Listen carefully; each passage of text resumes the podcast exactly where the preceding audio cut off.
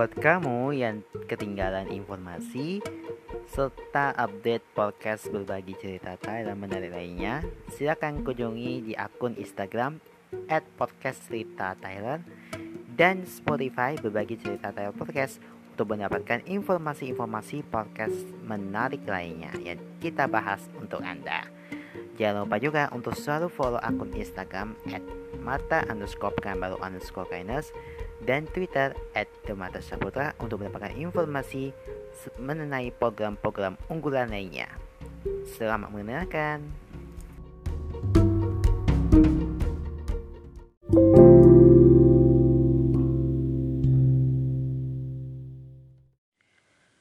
Assalamualaikum warahmatullahi wabarakatuh. Salam sejahtera bagi kita semua. Om Swastiastu, Namo Buddhaya, Salam Kebajikan. Selamat datang di podcast Berbagi Cerita Thailand Season 5 Kali ini bersama aku, Mateka Saputra dan temanku Tyler King. Dan mengundang setiap hari Senin, Rabu, dan Jumat di Spotify. Kalau kalian suka dengan episodenya, jangan lupa di follow Bunyikan lonceng dan kasih rating. Supaya kita bisa lebih berkarya lagi, lebih maju lagi untuk episode-episode terbaru dari kita dan jangan lupa follow kami di Twitter dan juga Instagram kita. Twitternya at podcast underscore Tyler dan IG kita podcast cerita Tyler. Uh, di episode kita kali ini sebenarnya sih kita mau bahas cerita-cerita serem-serem dulu.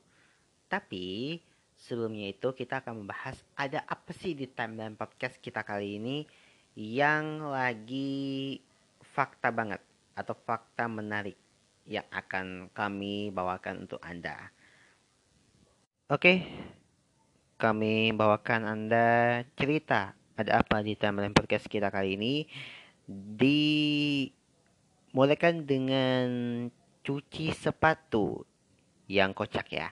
Ini seorang cewek nih yang mencuci sandal dan sepatunya ini jadi sorotan warganet nih. Bagaimana tidak, dia mencuci sepatu dan sandalnya tersebut menggunakan sebuah mesin cuci. Dalam video, dia itu terlihat menuangkan air dan deterjen ke dalam mesin cucinya. Tidak lama kemudian, cewek itu lalu memasukkan sepasang sandal jepit berwarna ungu. Tidak hanya memasukkan satu pasang sandal jepit, ceweknya ini juga memasukkan sepasang sepatu cats berwarna kuning. Ia juga memasukkan sepasang sepatu hitam, sepatu putih, dan sepasang sandal lain ke dalam mesin cucinya. Setelah sepatu dan sandal masuk ke dalam mesin cuci, cewek ini lalu memasukkan tali-tali sepatunya. Ia lalu memutar mesin cuci tersebut. Nah, cewek ini juga turut merekam saat mencuci mesin cuci tersebut memutar sandal dan sepatunya. Namun, aksi cewek saat mencuci sepatu dan sandalnya dengan mesin cuci ini justru menguai perdebatan di warganet ya. Hal itu lantaran warganet mengkhawatirkan dapat merusak sandal atau sepatu. Tidak hanya itu, warganet juga mengkhawatirkan di mesin cucinya yang bisa rusak sewaktu-waktu karena dipakai mesin sandal karena dipakai untuk menyuci sandal dan sepatu. Kita lihat nih apa kata warga mendengar cuci sepatu dan sandal di mesin cuci. Kita lihat ya. Kita lihat yang pertama nih. Kata warga ini, apakah tidak rusak? Katanya. Oke. Lalu yang kedua, uh, jangan ditiru ya netizen selain sepatu cepat rusak, mesin juga bisa cepat rusak karena maksain buat springnya. Oke. Bisa masuk akal sih. Oh ya, katanya nih, Sebenarnya sih ya bisa ya, cuma khusus untuk mesin cuci bukannya depan karena metodenya banting. Kalau bukaan atas ada pemutar bawah sering menjadikan rusak. Karena bajunya kau saja sempat marah karena sering tempelin memutar dengan baju lain. Kalau sepatu tempelin mah sepatu lain terhadap pengeringan. Biasanya sih cepat usah sobek atau solnya lepas. Gak komenik ya kalau mesin cuci buka atau metode putar buat mesi buat cuci sepatu. Hasilnya rusak. Nah, buka bahwa metode banding lebih aman, tapi teraman cuci pakai tangan sikat dan lap saja terendam di air begitu mudah arus lemnya. Oke. Ini juga masuk akal sih. Coba gimana ya? Oke.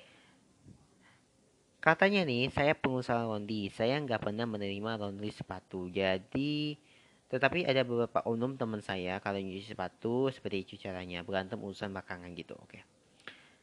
Katanya nih, gua juga dulu begitu ya. Sampai tetangga nih gua digebukin di rumah karena suara mesin cucinya gerak gebuk gerak gebuk gitu. Oke, itu tadi cuci sepatu yang lebih nyeleneh atau kocak sih. Oke lah. Nih ada juga nih yang kedua nih. Ini siswi satu ini menarik perhatian warganet lantaran isi laci mejanya ini yang tidak biasa. Sebab penampakannya isi bukanlah mengingatkan kepada isi kelas, melainkan bak kantin. Jadi dalam sebuah foto yang diunggah diperlihatkan suasana dalam kelas di mana ada beberapa siswa beragam segeragam pramuka sedang tidur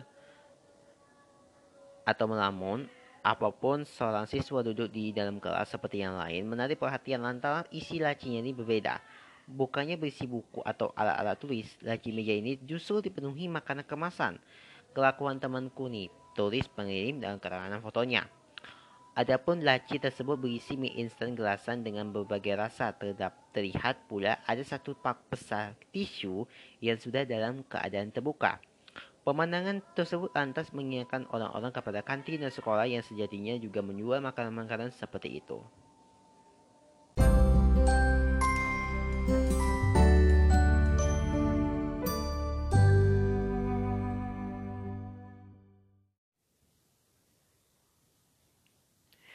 Assalamualaikum warahmatullahi wabarakatuh. Salam sejahtera bagi kita semua. Om Swastiastu, nama budaya, salam kebajikan. Selamat datang di podcast berbagi cerita Tyler yang kita nggak tahu tayangnya kapan. Tapi yang jelas terima kasih banyak yang sudah dengerin. Terima kasih yang udah di follow, terima kasih yang udah dibunyikan lonceng dan udah terima kasih buat ratingnya. Yang buat yang belum, ayo buruan follow Spotify, nyalakan loncengnya, terus juga berikan rating agar bisa lebih berkarya lagi. Dan jangan lupa untuk follow akun media sosial Twitter dan juga Instagram. Twitternya at podcast underscore Tyler dan di IG kita podcast cerita Tyler. Di sana ada banyak lengkap semua dari info, terus juga tempat wisata, terus makanan-makanannya, terus ada update podcast saya yang diperbaharui setiap hari Senin, Rabu, dan Jumat di Spotify. Dan episode kita kali ini kita akan membahas uh, sifat Pisces. Ini sifat Pisces yang si penyayang yang suka lari dari kenyataan. Karena kan aku kan lagi lahiran tanggal 12 Maret. Mungkin aku termasuk orang yang Pisces ya guys.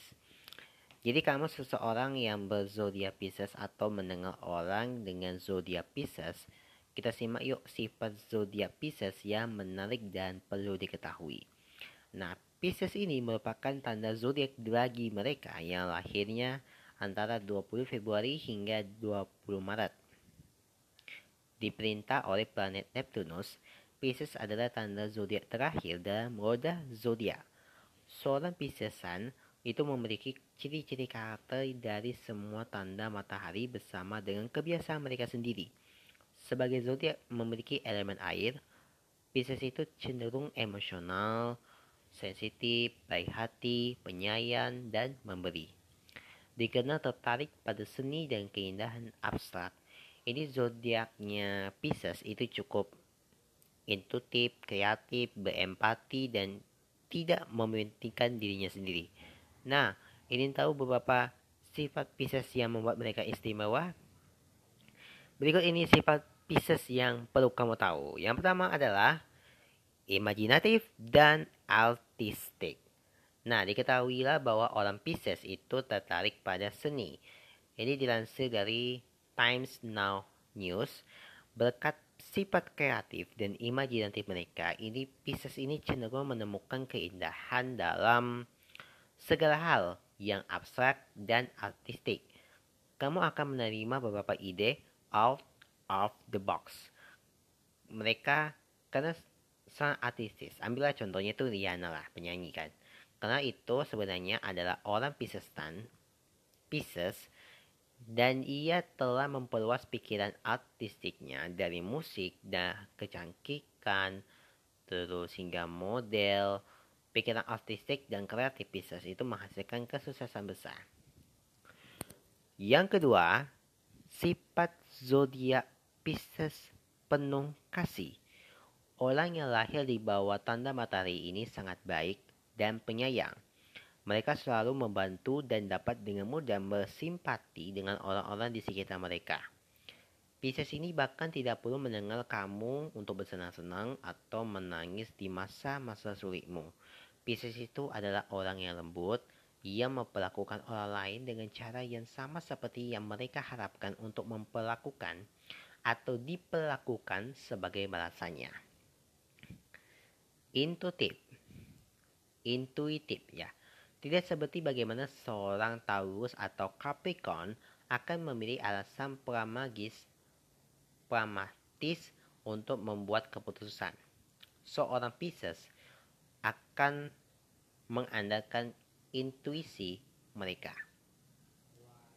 Sifat zodiak Pisces ini sangat itu, intuitif dan sepenuhnya itu mengandalkan intuisi mereka sendiri daripada uh, memeriksa fakta dan angka untuk membuat keputusan yang tepat. Mungkin ini ada hubungannya dengan fakta bahwa Pisces itu memiliki pikiran yang sangat abstrak yang membuat mereka mengambil keputusan semikian lupa. Peka, Pisces adalah makhluk emosional seperti Scorpion atau Keter. Itu zodiak yang lahir di bawah tanda matahari sebenarnya ini dikenal sebagai jenis yang paling emosional atau sensitif di roda zodiak. Oleh karena itu, kepekaan datang dan terkadang kemunduran yang dihadapi oleh Piscesan ini memilukan karena Pisces itu merasa sangat dalam. Kegembiraan atau luka yang memiliki tingkat efek yang sama pada seorang Pisces. Nah, berikutnya lagi, ini sambil aku googling juga ya guys lari dari kenyataan. Lari dari kenyataan, guys. Seorang Piscesan hidup di dunia yang bukan milik kenyataan. Karenanya kamu akan melihat mereka sangat idealis tentang segala sesuatu yang ditawarkan kehidupan. Bahkan ketika segala sesuatunya tidak berjalan sesuai keinginan, Pisces itu menyalahkan banyak hal yang mengakibatkan nasib buruk mereka. Pada dasarnya ini, Pisces itu berusaha lari dari kenyataan dan situasi ya, karena tidak mau menanggung akibatnya. Ini memang tampil sebagai sifat negatif dari zodiak Pisces. Pesimi, pesimitis. Itu Pisces itu cenderung kehilangan antusiasme atau semangat untuk bekerja menuju sesuatu karena satu kemunduran atau kesulitan. Jika semuanya itu berjalan dengan baik tetapi hanya satu pekerjaan yang diharapkan tidak jadi seperti yang mereka inginkan, seorang Pisces itu akan segera mengangkat tangan untuk mundur. Sifat pesimis ini sering kali eh, membuat mereka itu sulit untuk menyelesaikan sesuatu karena Pisces itu sangat mudah untuk dikecewakan. Yang terakhir, sifat zodiak Pisces malas. Menariknya ini karena seorang Pisces itu menghabiskan terlalu banyak waktu untuk alami di alam mimpi mereka sendiri antusiasisme mereka untuk tinggal di dunia nyata sangat biasa-biasa saja belum lagi bagaimana tuh Pisces itu kehilangan semangat dan energinya karena kemalasan mereka jika sesuatu itu tidak membuat Pisces itu kekesan atau membuat mereka pengasal untuk waktu yang lama sifat malas Pisces ini akan mengambil alih dan membuat mereka menunjukkan hal-hal lain seperti bermalas-malasan bersikap sesantai mungkin. Oke, itu tadi sifat zodiak Pisces yang perlu kalian ketahui ya. Karena itu Pisces itu segala macam yang guys, mulai dari hubungan, terus juga pencintaan, keuangan, kesehatan, segala macam.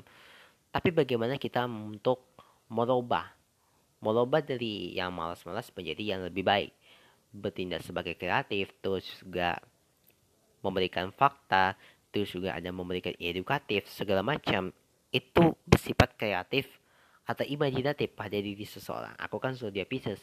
Jadi aku harus mengambil suatu keputusan untuk mengambil langkah-langkah supaya tidak terjerumus ke dalam uh, jurang yang amat dalam gitu.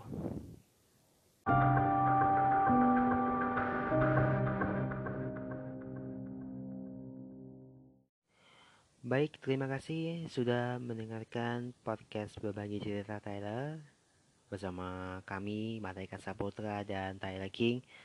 Uh, kami akan hadirkan satu cerita segmen yang serem-serem, di mana lagi kalau bukan di cerita misteri. Ya, Ya, sahabat Aira, kita sudah memasuki di segmen cerita misteri. Dan cerita yang akan kami bawakan ini mungkin sesuatu yang agak menakutkan dan juga agak menyeramkan. Tapi kita baca dari teman tiga yang sudah masuk di cat hari kita. Oke. Kita mulai dulu ya, guys. Oke, gue mau cerita kemarin tuh kan biasa-biasanya temen gue mau cerita horor pas masih di tempatnya. Otomatis bulu kudu gue merinding. Biasanya sih kagak pernah. Akhirnya stop buat nggak ceritain dulu. Untung gue orang nggak pekaan, jadi selama di sana gue nggak lihat apa-apa.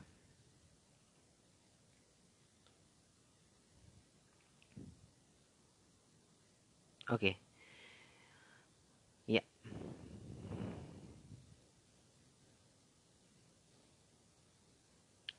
Oke. Okay. Sekarang kita memasuki di cerita horor tentang Laudet remaja cantik penunggu pabrik PTPN 12 Jember. Oke, kita mulai dengan melihat foto di bawah ya benar-benar mirip dengan dia. Ini bayi anak yang sedang bayi duduk ya, bayi duduk di atas kursi, ah, bukan kursi meja, terus juga di samping anaknya. Bayi itu terlihat seperti boneka kalau nggak salah ya. Kita mulai di ceritanya ya. Oke, permintaan dari teman kita dan kawan-kawan. Yang lain aku lupa soalnya aku minta yang banyak ya jadi aku wakili dari mereka berdua aja oke awalnya aku bertemu Laurel ini pas tahun 2002 waktu itu aku sama almarhum kakekku pergi ke PTPN 12 di Kaliwates. Lauter ini yang aku temui itu masih sudah remaja sekitar umur 15 tahun lah. Dia bercerita kalau dirinya itu meninggal dalam keadaan sakit. Nah, rumahnya itu dulu ada di depan PT PN ini. Dia murni keturunan Belanda. Waktu itu kan ada acara ya. Aku diajak ke sana. Kakek dengan acaranya bersama teman-temannya di aula kantor. Aku sangat itu jenuh dan agak risih dengan banyak orang.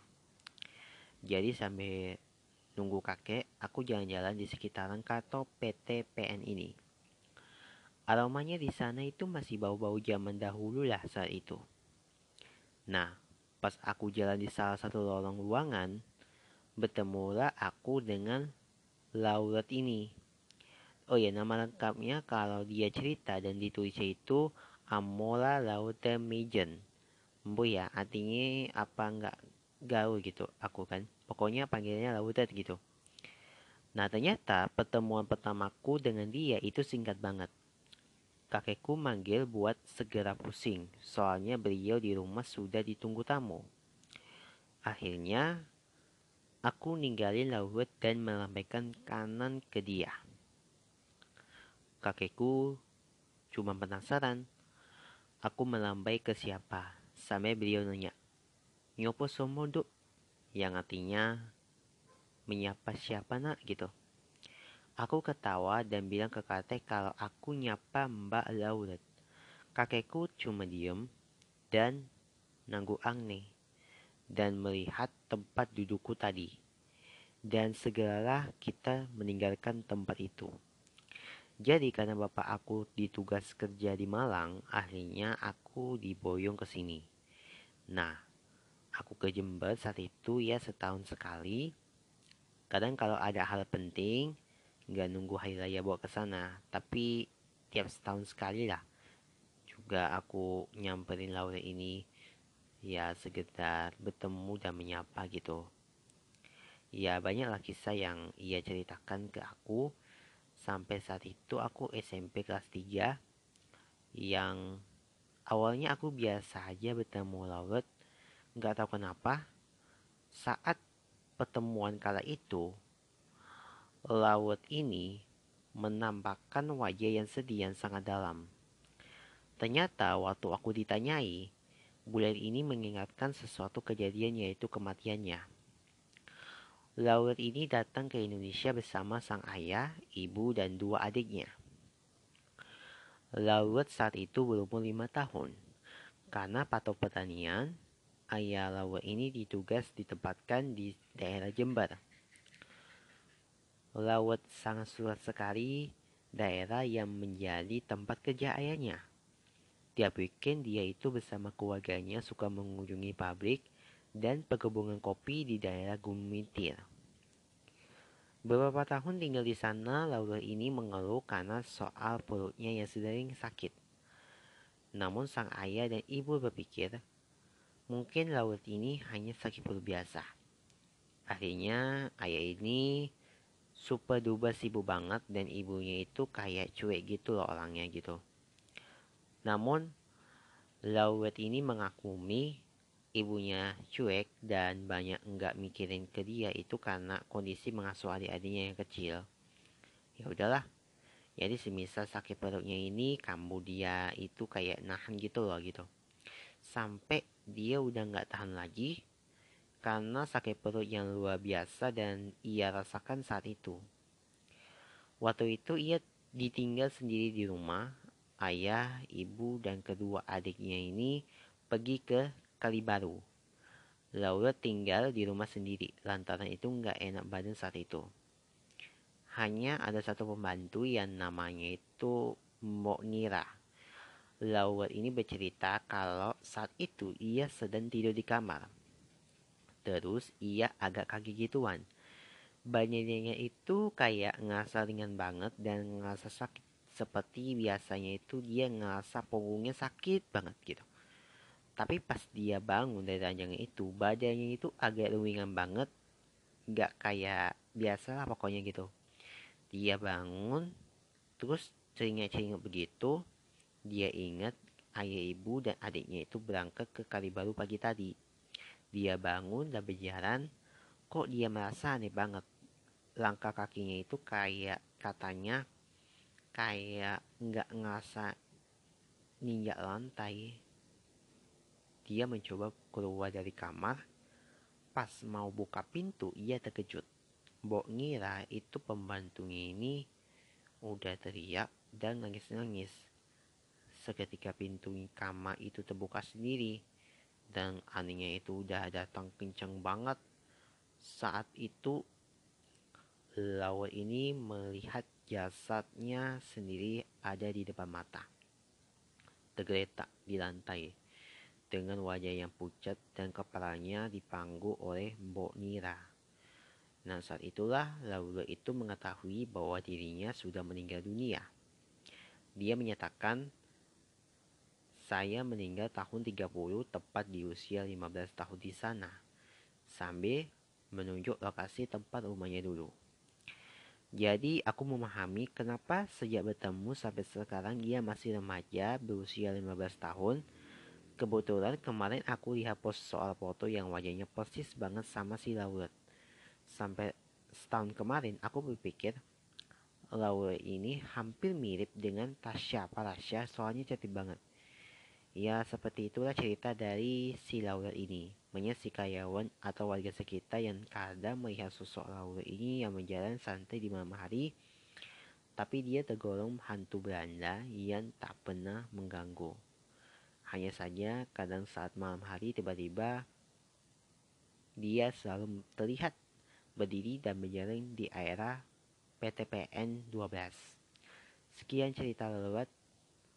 Terima kasih sudah mengenakan. Oh ya, jadi ini yang gue bilang tadi. Jadi si foto noneng ini Belanda ini udah lama gue simpen tapi nggak berani ngawalinya. Kalau diwarnai kan kan harus di zoom gitu nggak enak aja dilihat tatapan matanya serem gitu oh ini di kedatangan fotonya itu di lokasi Jembal di tahun 1990 1910 gitu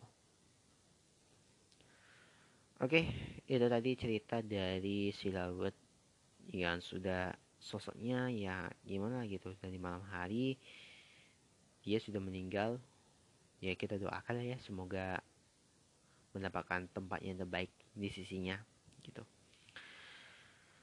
Oke sekarang kita cari lagi di oh ini jadi cerita horornya lagi ini tentang serunya acara keramat pada siaran radio aku tulisan ya Andalus di Malang oke oke Rinduku akan terbati dengan menceritakan serunya acara keramat yang dulu sempat menghiasi masa kecilku tiap hari Kamis malam Jumat pukul 10 malam. Bang Anto sebagai pembawa acara, apa kabar? Sius suaramu sangat mengawali acara masih terdengar jelas sampai sekarang. Dengar ya, sudah jam 10 malam, pesan telinga baik-baik. Apa yang terdengar di luar rumah? apa yang bersuara di ruang tamu, apa yang muncul di lorong ruangan, apa yang terkuat dari jendela rumah Anda, dan apa yang bergumek dari dalam diri. Sekarang udah jam 10 malam, Kamis malam Jumat, ketika perasaan kita seolah-olah diburu sekatu, ketika bulu kudu mulai mendiri, melinding, ketika keringat dingin mulai mengalir dan ketika kita mulai melakukan bentuk benda-benda di sekitar kita. Saatnya kalau sudah ngomong begini, kuping serasa nggak mau pindah dari salon radio. Apalagi pembawa acara yang sangat menjiwai dan niat menyiarkan acara ini. Aku jelasin dulu ya, apa itu program keramat di stasiun radio Andalus ini. Jadi, for your information nih guys, jadi keramat tuh salah satu acara yang di Radio Andalus bersifat horor dan metastika, metafisika gitu. Pendengar itu bisa berinteraksi langsung bawai telepon atau balai langsung teleponnya ya. Acara ini selalu ada tiap hari Kamis malam jam 10. Jadi aku harus yang dulu masih bocah ingusan hari yang kutunggu bukanlah malam minggu tapi malam Jumat. Ya soalnya niat banget dengerin acara keramat ini. Kadang kalau udah takut tuh dengerin kisah-kisah horor para pemetron ke acara tersebut biasanya aku tuh dengerinnya rame-rame kan ya maklum lah anak kecil pasti senang banget gitu nah pada acara ini aku paling ingat dengan seseorang penelpon yang namanya itu aku lupa namun terlihat jelas kalau dia berjenis kelamin laki-laki Bang Antong ini menyatakan atau menyanyikan nama dan asal penelpon itu. Kok iya pas saat itu aku dengerin sendiri gitu. Biasanya juga bertiga atau ame lah gitu kan. Nah, si penelpon ini ditanyain nama itu, ketawanya aneh dan agak berat gitu. Terus dengan sikapnya tenang, Bang Antong ini tetap menanyai si penelpon. Kok terdengar suara kayak jalan di lembutan gitu? Di salon radio itu terdengar betul nggak usah gitu nggak kasak kusuk gitu. Sambil ada geraman yang berat. Setelah itu kontak terputus dan hanya meninggalkan tanda tanya yang besar bagi kami para pendengar. Pokoknya itu acara ini benar-benar membawakan acara yang sangat menarik. Kebanyakan sih pengalaman warga Malangnya ya yang sering mengalami fenomena gaib di sekitar mereka. Ingat juga tuh pas ada pedagang sayur yang habis pulang kuaan dari pasar gadang terus pulang ke rumahnya itu lewat sawah. Nah, dia juga berangkat jam 1 apa 2 gitu. Aku lupa di dini hari lah gitu. Pokoknya pulang dari Kuala itu jam 3 pagi. Suara sayuran itu dijual di rumah. Eh pas pulang dia di jalan ia ketemu sesuatu yang belum pernah ia temui sebelumnya. Dia kualaan ke pasar kan berdua sama suami. Nah di jalan itu dia melihat dari kejauhan ada bola api di tengah jalan yang melayang dan dia sama suaminya itu heran apa itu? gitu. Dikira itu lampu jalan aja yang jatuh entah kenapa apa gitu. Eh semakin eh pas semakin deket jarak ke sesuatu kok betulnya aneh gitu. Ya semacam kepala doang melayang dan itu berapi. Si suaminya itu kemudian nanya istrinya itu baik jalan. Sambil teriak dede di depan itu ada kemamang gitu hati-hati gitu Eh pas mereka balik itu dan menghindari posisi kemamang itu, ternyata dikejar sama mereka itu sama si kemamang. Oke, kita lanjut. Eh, pas mereka balik dan menghindari posisi kemamang itu, ternyata dikejar mereka sama si kemamang. Ia melayang-layang gitu sampai mereka nyampe di pinggir jalan raya yang udah agak sedikit ramai kendaraan. Mereka ngoleh dan melihat si kemamang ini masih ngejaga ya gitu. Ternyata pas ditoleh bentuknya itu udah berbeda. Gak bola api ngelayang lagi, melainkan pocongan yang menatap lurus ke arah mereka. Jadi suami istriku sampai nunggu habis subuh baru berani pulang ke rumahnya. Nah ngomong-ngomong soal cerita dari temennya Van pernah juga kejadian mama ini temen aku. Mamanya itu juga seneng banget sama acara ini. Beberapa kali udah pernah nelfon dan bercerita sedikit tentang kisah horor. Nah pernah saat itu mama ini menelpon dan bercerita soal rumahnya yang sering mengalami kejadian-kejadian enggak masuk akal. Pas itu aku dengerin atau enggak ya aku lupa. Soalnya aku ceritainnya sama temanku langsung. Jadi mam mamanya temennya ini aku ini cerita kalau rumahnya itu sering kedengaran suara-suara benda yang bergerak sendiri. Pas dicek ada piring yang udah pecah di lantai air kerannya nyala sendiri. Dan banyak lagi deh pokoknya gitu.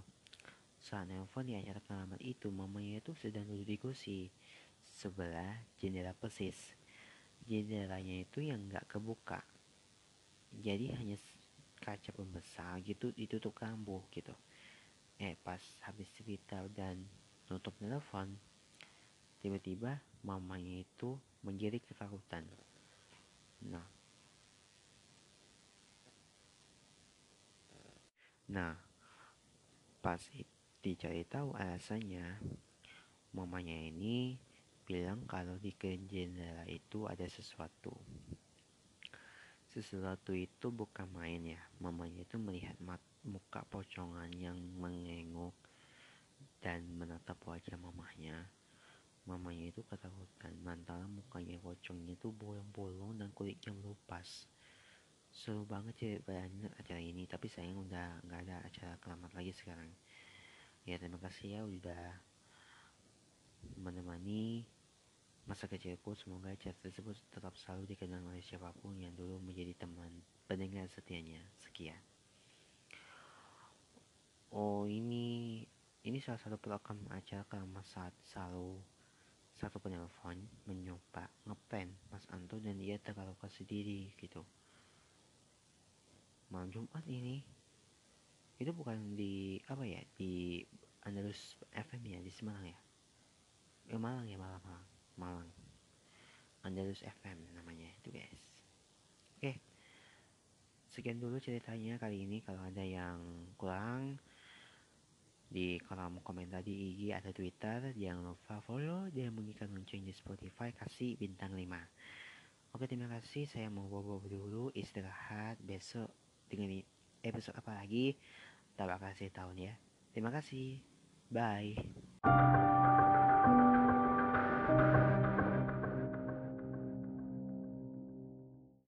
Berbagi cerita Tyler hanya di Spotify.